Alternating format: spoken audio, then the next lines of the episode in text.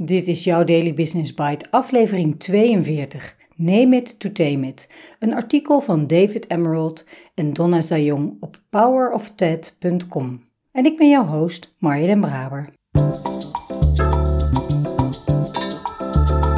Je luistert naar Daily Business Bites met Marja den Braber, waarin ze voor jou de beste artikelen over persoonlijke ontwikkeling en ondernemen selecteert en voorleest. Elke dag in minder dan 10 minuten.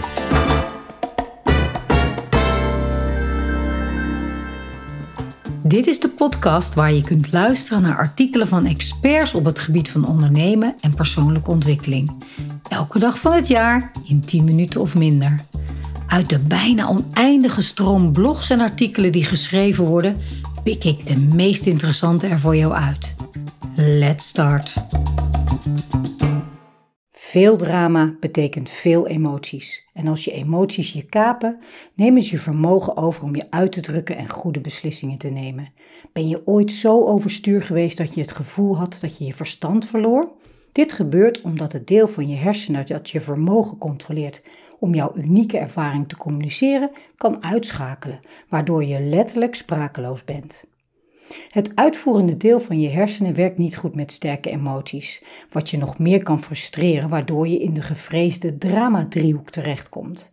We hebben allemaal wel eens briljante inzichten gehad achteraf, waarvan we wilden dat we er op dat moment aan hadden gedacht, maar dat niet konden omdat het taalgedeelte van ons brein overschaduwd wordt door het emotionele brein.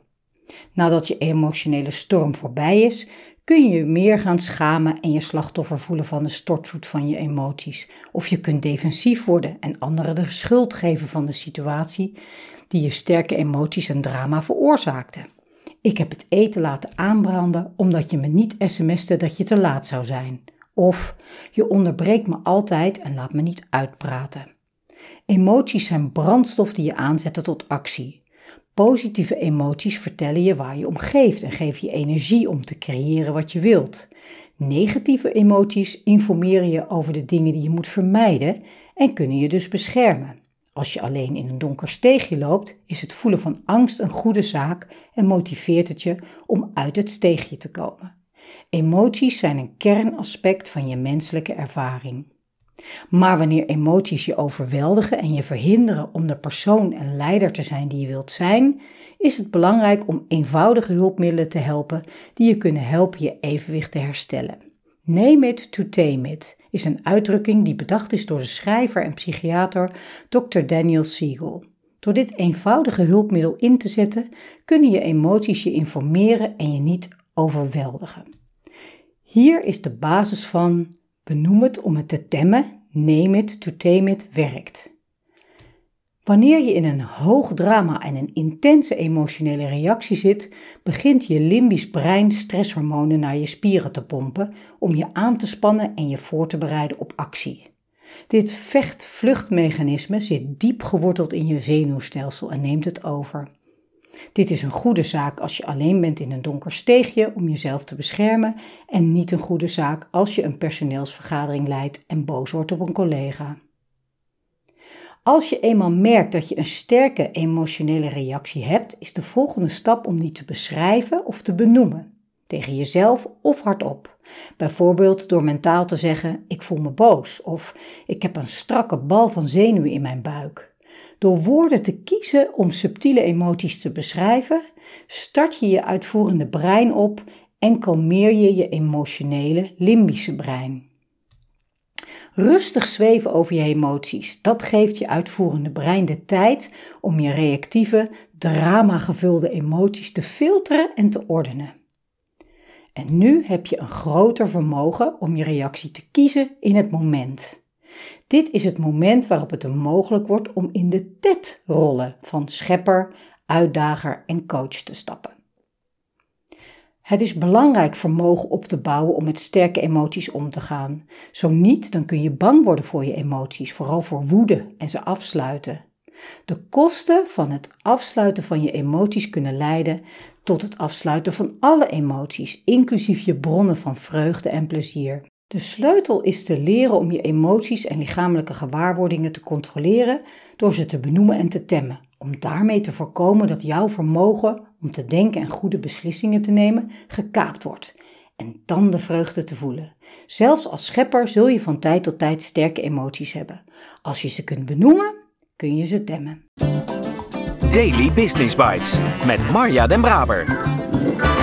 Je luisterde naar Name It to Tame It van David Emerald en Donna Zayong.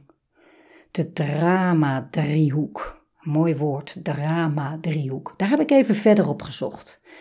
Hij is voor het eerst beschreven door Stephen Karpman in 1961 en hij wordt in de psychologie gebruikt om de verraderlijke manier te beschrijven waarop we onszelf presenteren als slachtoffers, vervolgers en of redders. Hoewel ze alle drie rollen zijn en niet wie we werkelijk zijn, kunnen we allemaal verstrikt raken in een cyclus waar we maar moeilijk uit kunnen ontsnappen. De schrijvers van dit artikel, David en Donna, doen al jaren onderzoek naar dit effect en hebben daar hun eigen methodiek, hun TED-methodiek voor ontwikkeld, waarbij je een keuze hebt om ook andere rollen aan te nemen, zoals schepper, uitdager of coach. Als je het onderwerp googelt kun je er heel veel over vinden. En wat in fijn is in dit artikel is dat je de eerste stappen om eruit te komen als je het herkent in ieder geval al kunt gaan zetten. Wat ik er zelf uit meeneem is, ik zie het als een framework om nog beter te begrijpen waarom we of ik soms niet handig reageer in gesprekken of in conflicten.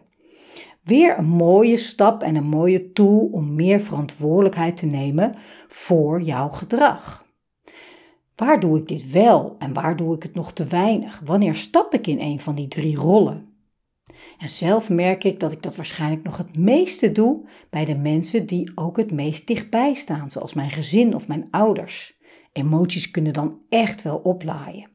Benieuwd of jij dat ook herkent. En ik spreek je graag morgen.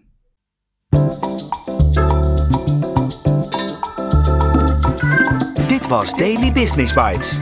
Wil je vaker voorgelezen worden? Abonneer je dan op de podcast in je favoriete podcast-app. Meer weten? Klik op de links in de show notes.